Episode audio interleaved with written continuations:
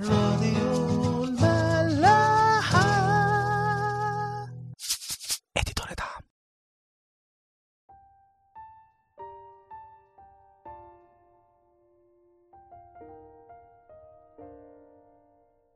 أهلا بيكم في عيش وملح. كنا اتكلمنا آخر آه، حلقة في إصحاح 14 من سفر العدد.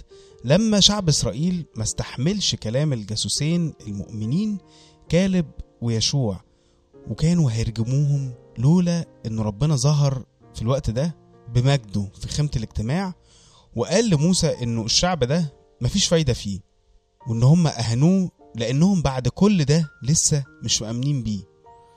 وإنه خلاص قرر إن هو يبيدهم وهيدي لموسى شعب تاني غيرهم ويكون أعظم منهم ويكون أحسن منهم. لكن موسى بسبب آه، قلبه الطيب وحبه للشعب بتاعه. ما فرقش حتى معاه إن الشعب ده هو اللي عمال يتذمر عليه ووصلت إن هو كان عايز يعمل انقلاب عليه ويجيب رئيس غيره ويرجعوا على مصر. وقعد يطلب من ربنا إنه يرحمهم وما يبدهمش عشان حتى شعب مصر والشعوب التانية كلها ما تشمتش في ربنا وتقول إنه ما عرفش يعمل بوعوده وإن هو يوصل شعبه لأرض الميعاد وموتهم في الصحراء. وبعدها قعد يفكر ربنا بكلامه وإزاي إن هو رحيم وإزاي إن هو نعمته عظيمة جدا. ففعلا ربنا بيقرر إنه يصفح عن الشعب بسبب صلاة موسى ومش بيبيدهم فعلا. بس برضه بيقول إنه طالما هما ما أمنوش بيا وخافوا من سكان أرض الميعاد بالشكل ده يبقى خلاص يرجعوا الصحراء بقى ومحدش فيهم هيخش الأرض دي خالص. عيالهم بس اللي هيخشوا. إنما كل اللي طلعوا من أرض مصر وشافوا عجايب ربنا وما آمنوش بيه وبقوته وبأعماله مش هيخشوا الأرض دي. ما عدا طبعا الجاسوسين اللي كانوا مأمنين بقوة ربنا كالب ويشوع. حكينا بعد كده إنه لما الشعب سمع الكلام ده اكتئبوا جدا طبعا بس حاولوا يحلوا الموضوع بدراعهم مش بالتوبة لربنا. فقرروا يروحوا مع نفسهم يحاربوا سكان الأرض اللي هم كانوا آه، عايزين يدخلوها. وموسى حذرهم وقال لهم ربنا مش معاكم وأكيد مش هينفع إن أنتوا تكسبوا من غيره. وفعلا ده اللي بيحصل هما بيتغلبوا ويتبهدلوا جدا وبيرجعوا تاني. إصحاح 15 بقى بيتكلم آه، عن وصايا تانية لربنا آه، يعني ليها علاقة بالتقديمات وذبايح للتكفير عن خطايا سواء اللي هي المقصودة أو الغير مقصودة. المهم إن هو في نص الإصحاح بيحكي لنا قصة كده إنه في واحد بيلاقوه بيشتغل يوم السبت. يوم السبت إحنا عارفين إنه ربنا كان مقدس اليوم ده وبيقول ده يوم للرب محدش يعمل فيه أي حاجة. فالناس بتمسك الراجل ده وبتوديه لموسى وموسى بيروح لربنا يسأله نعمل إيه في الشخص ده. فربنا بيقول لموسى إنه لازم يترجم لازم يموت. فطبعا موسى بيعمل زي ما ربنا قال له والشعب كله بيرجم الراجل ده حتى الموت. قبل ما نسرح في الموضوع ده ونبتدي يصعب علينا ونسأل بقى إيه القسوة دي والموضوع يعني ما ما كانش يستاهل الموت وحتى لو الموت يكون بالشكل ده. فقبل ما تجيلنا كل الأفكار دي دلوقتي خلونا نهدى ونحاول نفهم الموضوع بشكل تاني. أولا سيبكوا من وحشية الحكم نفسه لأننا بنقارن بدلوقتي مش بساعتها لأنه ساعتها كان في طرق وحشية أكتر بكتير قوي في الإعدام من الطريقة دي. وحتى الشكل ده كان ليه دلالة وكان ليه سبب وهنفهمه كمان شوية. طيب الموضوع أو الخطية دي تستاهل الموت؟ هو أكيد الموضوع في حد ذاته ما كانش يستاهل الموت. إيه يعني ما واحد طلع عمل آه، شغل يوم إجازة يعني؟ ما الموضوع أكيد ما يستاهلش يعني الإعدام بالشكل ده. بس الفكرة هنا مش إن واحد راح عمل شغل يوم السبت إنما إنه بيستهين بوصايا ربنا.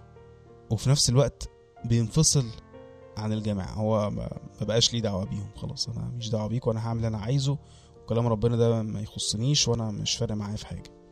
فلو كل واحد عمل الموضوع ده عادي كده براحته النظام اللي حطه ربنا هيروح. والناس مش هتقدر تستوعب اللي ربنا عايزهم يوصلوا له أو يتعلموه.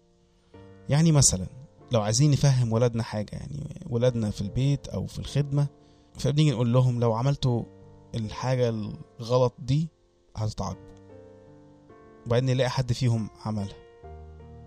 لو اتساب تاني يوم هنلاقيه هو وإخواته بيعملوا نفس الحاجة نفس الغلط. إنما لو اتعاقب هيتعلم ما يعملش كده تاني. وإخواته هيتعلموا منه إن هما ما يعملوش كده عشان ما يتعاقبوش. لحد ما يكبروا بقى في يوم من الأيام ويفهموا هي كانت ليه الوصية دي أصلا وساعتها مش هيحتاجوا عقاب ولا حتى مكافأة أصلا عشان يعملوا بالوصية دي. وأي حد فينا بيربي عيال هيفهم كويس قوي إنه بيبقى بيعاقب ولاده بالعافية والعقاب عنده يمكن أصعب بكتير قوي من إنه يسامح ويفوت. بس بيعمل كده عشان شايف إنه مصلحة ولاده أهم بكتير قوي من عواطفه دلوقتي. وده بالظبط اللي ربنا بيعمله وبيحس بيه. طيب هيجي حد يقول طيب يا عم الراجل ده مات أصلا طب هيتعلم فين؟ معلش برضو قبل ما نسرح في الموضوع ده هو إيه يعني الموت؟ إيه يعني ما يموت؟ وربنا اللي حط الحكم ده بيبص على الموت ده إزاي؟ ما هو جاي له. ومش شرط ابدا إنه يكون هلك. هو القاتل اللي بياخد اعدام ويموت بيهلك؟ لا طبعا. لو كان تايب وطلب مغفرة ربنا هو خلاص كده اتعاقب على خطيته فما ما تخافش عليه يعني. بالعكس أصلا خاف على اللي عمل خطية وما تابش واعترف بيها قدام ربنا وما تحاسبش عليها. هو ده اللي تخاف عليه. إنما الشخص اللي اترجم ومات بالشكل ده بالعكس ممكن تعتبره أصلا مات عشان الناس تتعلم منه. يعني مات عشان غيره يعيش ويعيش أحسن كمان. فدايما نحاول نقيس الموضوع ده بالنسبة لربنا بالنسبة للأبدية. مش بالنسبة لدماغنا الصغيرة مقارنة بربنا طبعا أو بالنسبة لحكمة العالم. بولس في الرسالة الأولى لكورنثوس صحاح 2 آيات 4 ل 7 يقول لنا وكلامي وكرازتي لم يكون بكلام الحكمة الإنسانية المقنع بل ببرهان الروح والقوة. لكي لا يكون إيمانكم بحكمة الناس بل بقوة الله. لكننا نتكلم بحكمة بين الكاملين ولكن بحكمة ليست من هذا الدهر. ولا من عظماء هذا الدهر. الذين يبطلون. بل نتكلم بحكمة الله في سر الحكمة المكتومة التي سبق الله فعينها قبل الظهور لمجدنا. يعني هو بولس بيحاول يقول لنا إنه أي حاجة بنعملها وخصوصا الكرازة ما ينفعش ابدا إن إحنا نبقى بنتكلم عنها أو بنقيسها بالنسبة لحكمة العالم. لازم نبقى بنقيسها وبنتكلم عنها بالنسبة لحكمة ربنا. وبالتالي أي حاجة في حياتنا أي حاجة في حياتنا لازم نعملها بالمرجعية لحكمة ربنا مش لحكمة العالم. نرجع تاني بقى لموضوع الرجم وشمعنا الرجم بالذات؟ السبب ببساطة إنه ربنا ما كانش عايز يكون فيه وللخطية دي بالذات آه، واحد زي عشماوي أو مجموعة يعني هي اللي بتنفذ الحكم ده. كان عايز الناس هي اللي كلها تكون عايزة تتخلص من الخطية وتفرزها كده من وسطهم وتقضي عليها مهما كانت صغيرة ومهما كان الشخص ده قريب منهم وعزيز عليهم. عشان نتعلم إحنا برضو دلوقتي إننا ما نسيبش مجال لإبليس خالص في أي حاجة في حياتنا في أي مجال في حياتنا ولا نستهين بأي خطية مهما كانت صغيرة ومهما كانت في حاجة قريبة قوي من قلبنا أو في حد قريب قوي من قلبنا. لا نطردها بكل قوتنا. بعقلنا وبقلبنا وبأعمالنا وبأجسادنا بكل حاجة. ما نسيبش أي مجال للثعالب الصغيرة اللي ممكن تفسد الثمر بتاعنا زي ما كنا اتكلمنا قبل كده. حاجة تانية بقى بتتقال في آخر الإصحاح ده هي إنه ربنا بيطلب من الناس حاجة غريبة أوي. إن هما يجوا في آخر هدومهم يعني هما كانوا بيلبسوا زي جلابية كده وفي آخر الجلابية دي في حاجة زي شراشيب كده زي اللي بتبقى في المفارش أو في الستاير. في آخر الشراشيب دي عايزهم يلفوا زي شريطة. الشريطة دي لونها أزرق. وقال لهم إنه دي هتحطوها عشان دايما تفكركوا بالوصايا بتاعتي. وإنكم ما تمشوش ورا اجسادكم وورا شهواتكم. تفسير الموضوع ده إنه اللون الأزرق ده رمز للسماء للسماويات. وحطها لهم في آخر هدوم كده عشان تبقى أقرب حاجة للأرض. فلما يبصوا للأرض للأرضيات أو الجسديات يفتكروا إنهم مش من هنا إنهم من وطن تاني.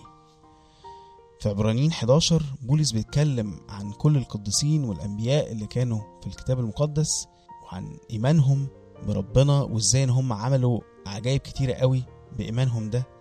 وبيجي في آيات 13 ل 16 وبيقول في الإيمان مات هؤلاء أجمعون وهم لم ينالوا المواعيد بل من بعيد نظروها. وصدقوها وحيوها وأقروا بأنهم غرباء ونزلاء على الأرض.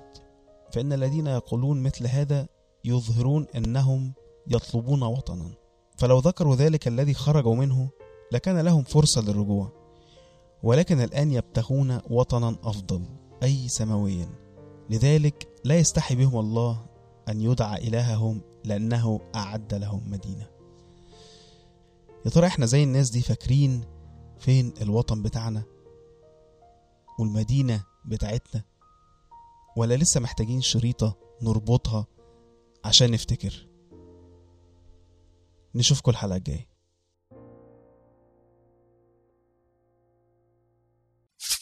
راديو ملاح. دي دنيا